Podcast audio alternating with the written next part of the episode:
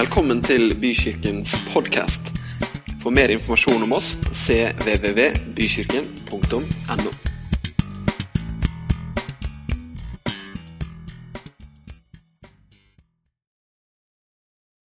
Dere, det er jo tredje søndag i advent. Har det sunket inn? På mandag så sank det i hvert fall inn i min bevissthet at det er faktisk to uker til julaften. Eh, og den eh, ubehagelige følgen av at det sank inn, var liksom en hel sånn der kalenderbilder som bare gikk opp og ned, og det og det skal gjøres på den og den dagen osv. Men nå er vi faktisk her. Er ikke det litt deilig, da? Nå sitter vi her, og så er vi her, og så får vi høre fantastisk musikk. Vi får høre eh, spennende historier, og nå skal vi dele Guds ord sammen. Og det er fantastisk. Jeg har lyst til at vi skal be sammen aller først. Jeg takker deg, Far i himmelen, for at du ser oss. Du kjenner oss. Du vet hvem vi er. Og så bryr du deg om oss. Du elsker oss, og så vil du snakke til oss. Takk for din omsorg. Takk for ditt levende ord. Takk for at du er her akkurat nå for å møte alle de som kommer til deg. Amen. Var det noen som så på Dagsrevyen i går? Den utvidede Dagsrevyen. 60-årsfeiringen av Dagsrevyen. Ja, det var mange som så på den. Det var fantastisk å se noen av disse fordums helter som satt der med hvitt hår og lapp over øyet osv. De hadde vært i, si, vært i skuddlinjen en stund. Men det var en som ble stilt et spørsmål. Det var vår kjære Kåre Willoch.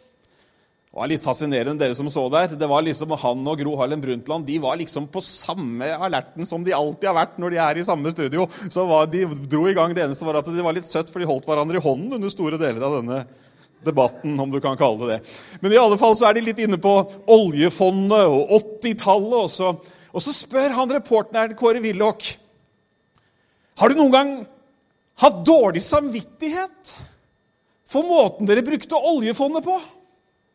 Det er jo litt av et spørsmål å få en lørdagskveld. Han fikk nå engang det spørsmålet om han hadde hatt dårlig samvittighet, og han svarer nei. Dårlig samvittighet? Hvorfor skulle jeg ha det? Vi gjorde jo det beste vi, Eller vi gjorde jo vårt beste. Hm.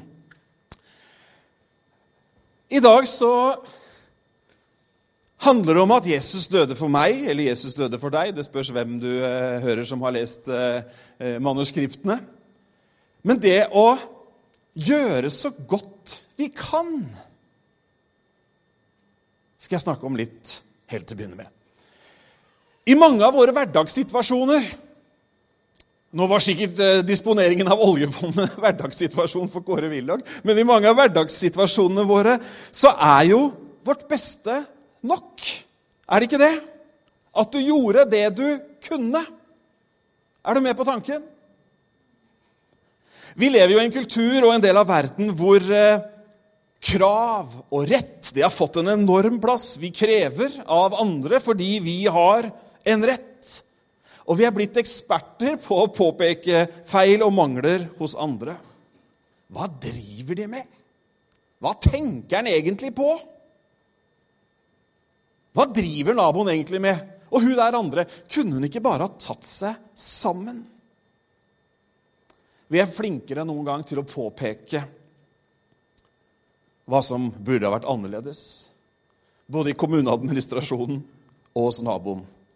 Og så glemmer vi kanskje at både rådmann, kassadama på Coop og naboen faktisk gjør så godt de kan. Men så stopper vi jo ikke der, da. Vi gjør ikke det. For vi eh, tar på oss eh, selvkritiske bilder, briller, og så studerer vi vårt eget speilbilde. Og så har vi fått høre nok en gang, eller mang en gang at uh, vi får være den beste utgaven av oss selv. Er ikke det bra? Det er bra. Jeg står ikke her og sier at det ikke er bra, men vi må være den beste utgaven av oss selv. Vi er unike. Det er så sant som det kan få blitt. Og vi får det til, bare vi prøver hardt nok. Og hvis du legger nok timer inn i treningen, så er det ingen begrensninger. Vi inspireres av Johaug og Bjørgen, og så melder vi oss på Birkebeineren. Selvhjelpsbøker det selges for tiden som hakka møkk. Og det lover store endringer om vi følger opplegget til punkt og prikke. For dere, vi skal jo prestere, skal vi ikke det? Vi skal jo imponere, vi skal jo vise oss frem. Og vi har jo fått noen fantastisk antisosiale medier som skal hjelpe oss til å vise verden hva vi har fått til. Med bilder, med ord. Se hva jeg har, se hva jeg har fått til, se hvor jeg har vært. Se på det nye huset mitt, se på den nye bikkja mi, se på den nye kona mi. Se på, se på Og vi tar del av andre menneskers liv som vi aldri har gjort før. I alle fall via skjermen. Og du vet hva? Jeg er imponert over folk, jeg, hva de får til. Jeg er det. Jeg er imponert over mange av dere, hva dere får til i hverdagen, hva dere får til med livene deres. Og når jeg ser på Facebook mennesker som jeg kanskje ikke kjenner så godt, så er jeg imponert over hva de har fått til med den julepynten de har. Det er lekkert. Det er flott. Og i en rekke situasjoner så kan vi ikke forlange mer enn at vi gjør det beste ut av situasjonen. Bare man prøver hardt nok, så lykkes det. Det motiverer til innsats. Men er det hele sannheten? Er det noe vi ikke viser? Er det noe vi ikke snakker høyt om? Nå skal jeg ikke sende mikrofonen rundt, men kan du huske en gang da du gjorde ditt beste, og det ikke var godt nok? Jeg ser noen begynner å se i tak og tenke litt nå. For noen så er det en fjern opplevelse. Jeg trenger ikke å tenke veldig, å tenke veldig lenge før jeg finner, kan komme i hu en gang jeg gjorde mitt beste, og det ikke holdt mål. Jeg la det ikke ut på Facebook eller noe annet sted heller. Den gangen hvor du skulle ta en eksamen, og du hadde lest alt, og du kunne alt, og du hadde sjekka alt, og alt var på plass, og du tenkte at nå er det endelig siste hånd på verket. Helt til sensuren falt. Det var som da jeg leverte en stil i fransk på videregående. Jeg skal ikke nevne tallet jeg fikk, men du skjønner kanskje hvilke tall det var når kommentaren fra fru fransklærer var 'Dette var syltynt, Bent Ove'. Det er ikke alltid at når vi gjør det beste, at det faktisk er godt nok. Husker du jobbintervjuet du var på? Du syntes det gikk kjempebra. Og du tenkte at nå har jeg virkelig brusa med fjæra, jeg har bydd på meg selv, og jeg har virkelig liksom bretta ut. Det er jo helt fantastisk. Altså, de, de må jo velge meg. Så sendte de ikke et svar engang. Eller jobben du fikk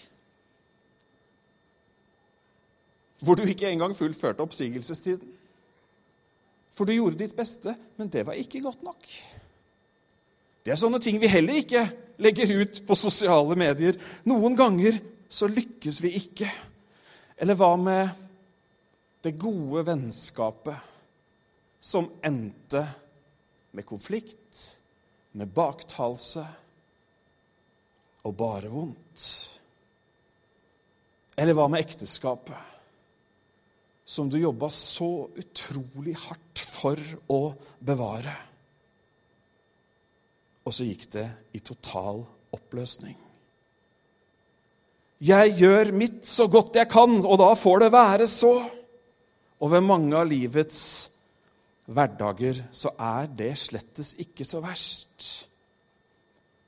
Men det er å gjøre sitt beste og ikke nå fram og konkludere med at det holdt ikke.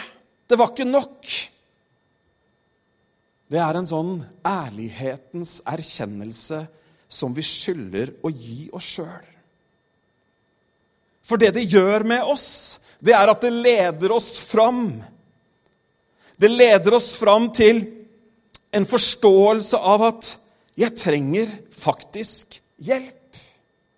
Er det noen eller noe av et eller annet større format der ute som kan redde en hjelpeløs stakkar,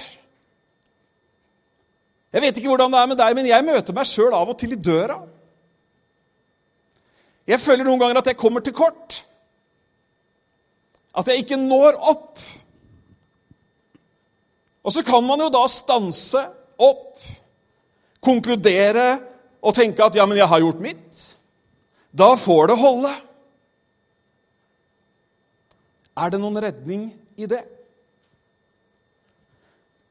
Kommer jeg videre i livet av å konstatere det? Løser jeg knuten på den måten? I beste fall så gir jeg i hvert fall samvittigheten en pause. Hva når jeg nok en gang da kommer til kort og møter bristen eller det onde i min egen natur? Selv om vi skulle så gjerne like å si at det, det fins jo ikke.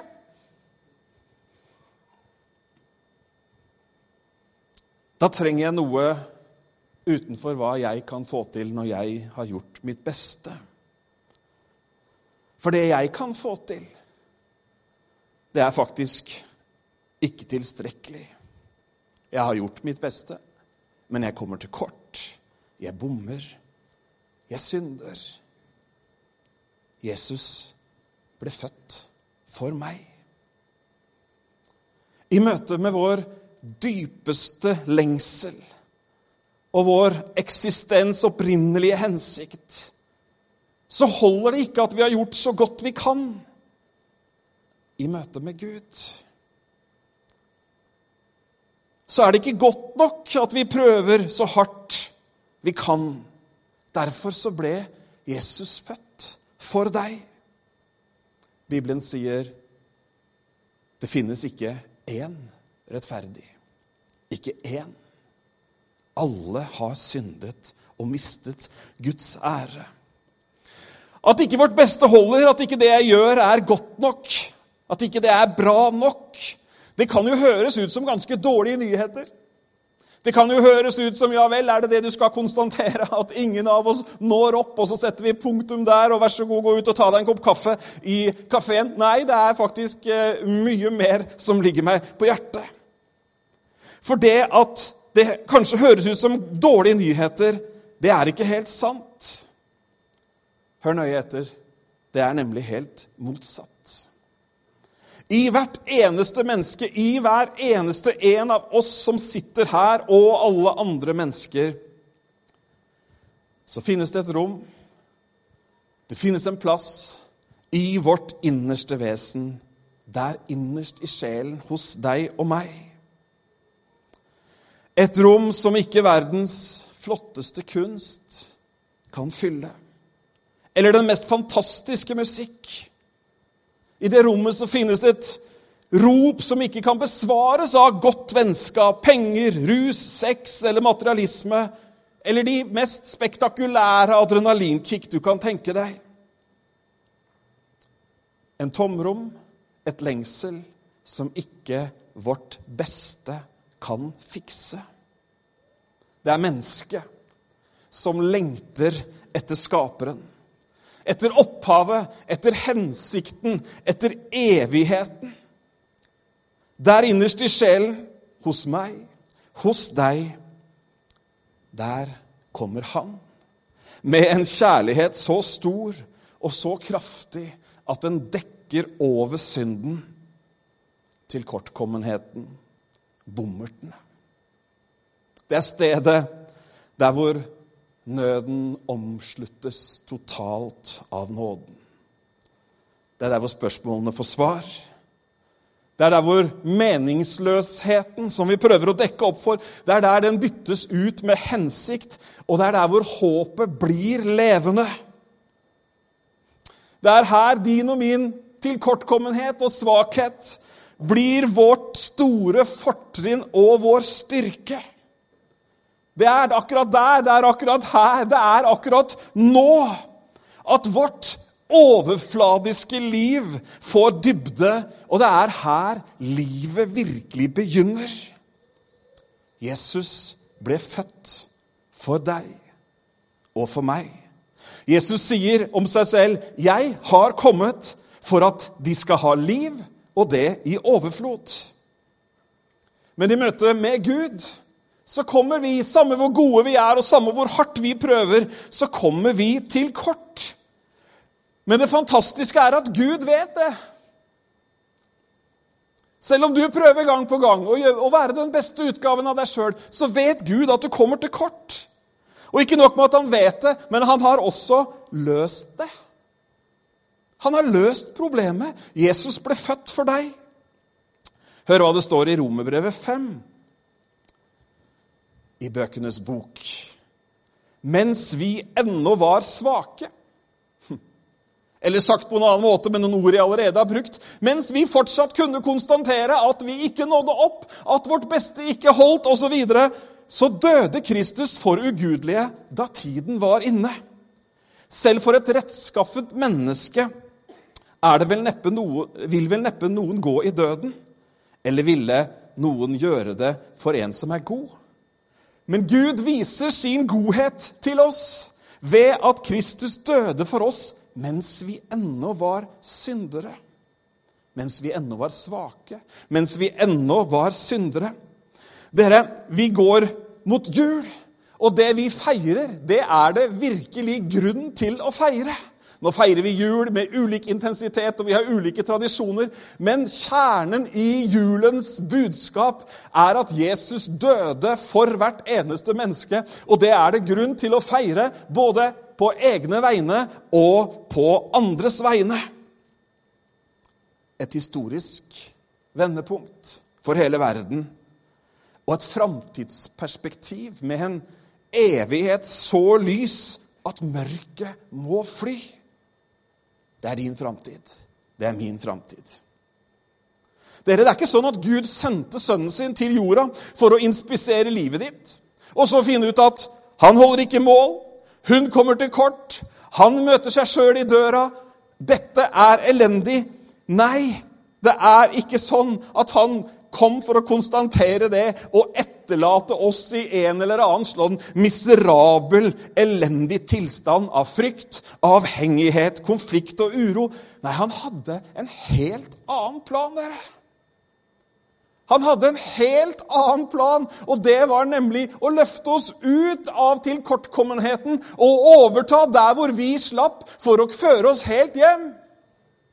Det er veldig bra. Det er passe plass å nikke og smile på. For det er jo det som faktisk skjedde i jula. Mens vi var syndere, mens vi var svake, når vi ikke nådde opp, så kom han. Det er jo helt rått. Det er derfor vi kaller det for verdens beste budskap. Det er derfor vi sier at det er gode nyheter.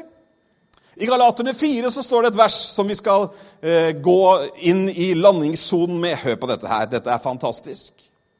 I love it. Men i tidens fylde sendte Gud sin sønn, født av en kvinne og født under loven. Hva skulle han gjøre?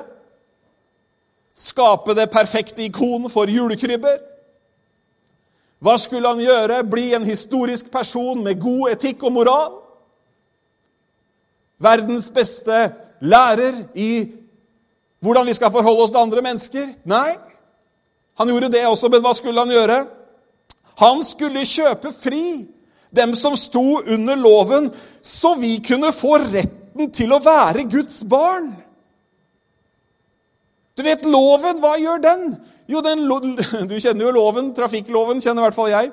Jeg vet at, jeg vet at den, Når man er under den trafikkloven, så er det sånn at noen ganger så når du ikke opp, eller vil si noen ganger så når du lenger enn opp. I hvert fall hva angår fartsgrenser.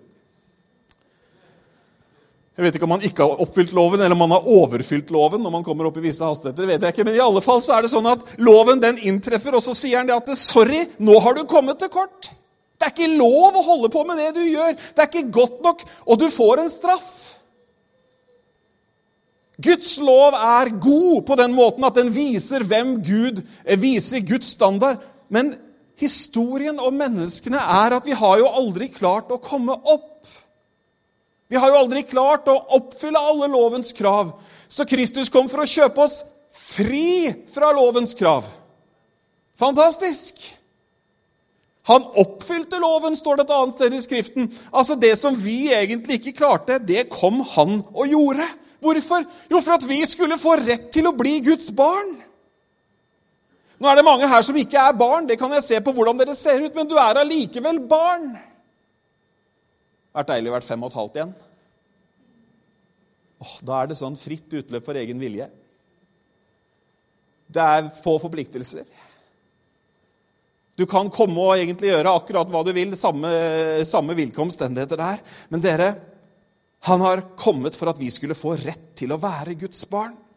Og fordi dere er barn, har Gud sendt sin sønns ånd inn i våre hjerter, og ånden roper 'Abba, far'. Derfor er du ikke lenger slave, men sønn. Og er du sønn, er du også arving, innsatt av Gud.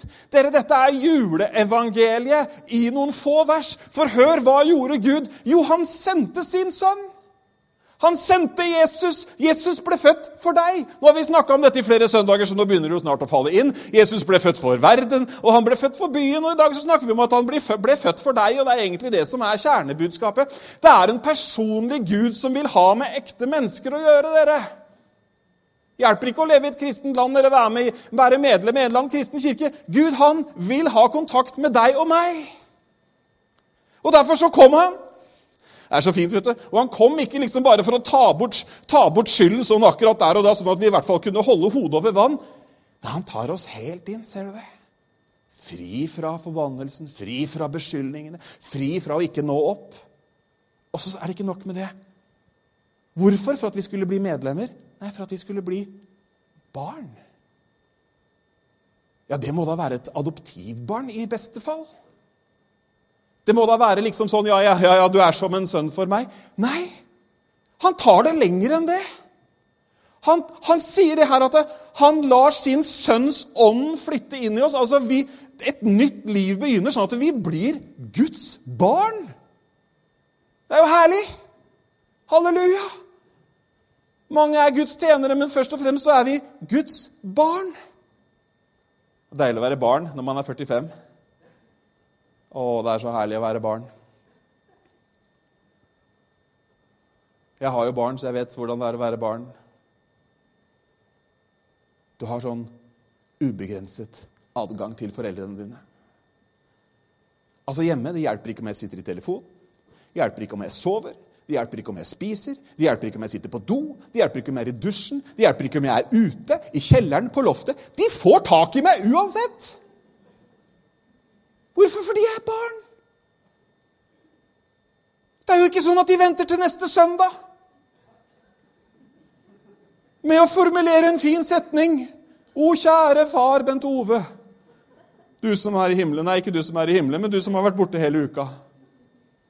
Nei, han har kommet for at vi skal være som barn igjen, dere. Vi har fått retten til å bli Guds barn. Og det er ikke bare adoptivbarn som så vidt får lov til å og liksom, ja da, vi skal ta vare på deg så og så lenge. Nei, det er hans barn. Vi er født på ny. Og så stopper det ikke der, for han drar det enda lenger. Er dere barn, så er dere også arvinger. Kjære noen. Begynner å bli gode nyheter her. Jeg ser at noen har begynt å smile. Det er fantastisk. Dere, så ofte så føler vi at vi ikke når opp. Helt hverdagslig, men ikke minst innenfor Gud.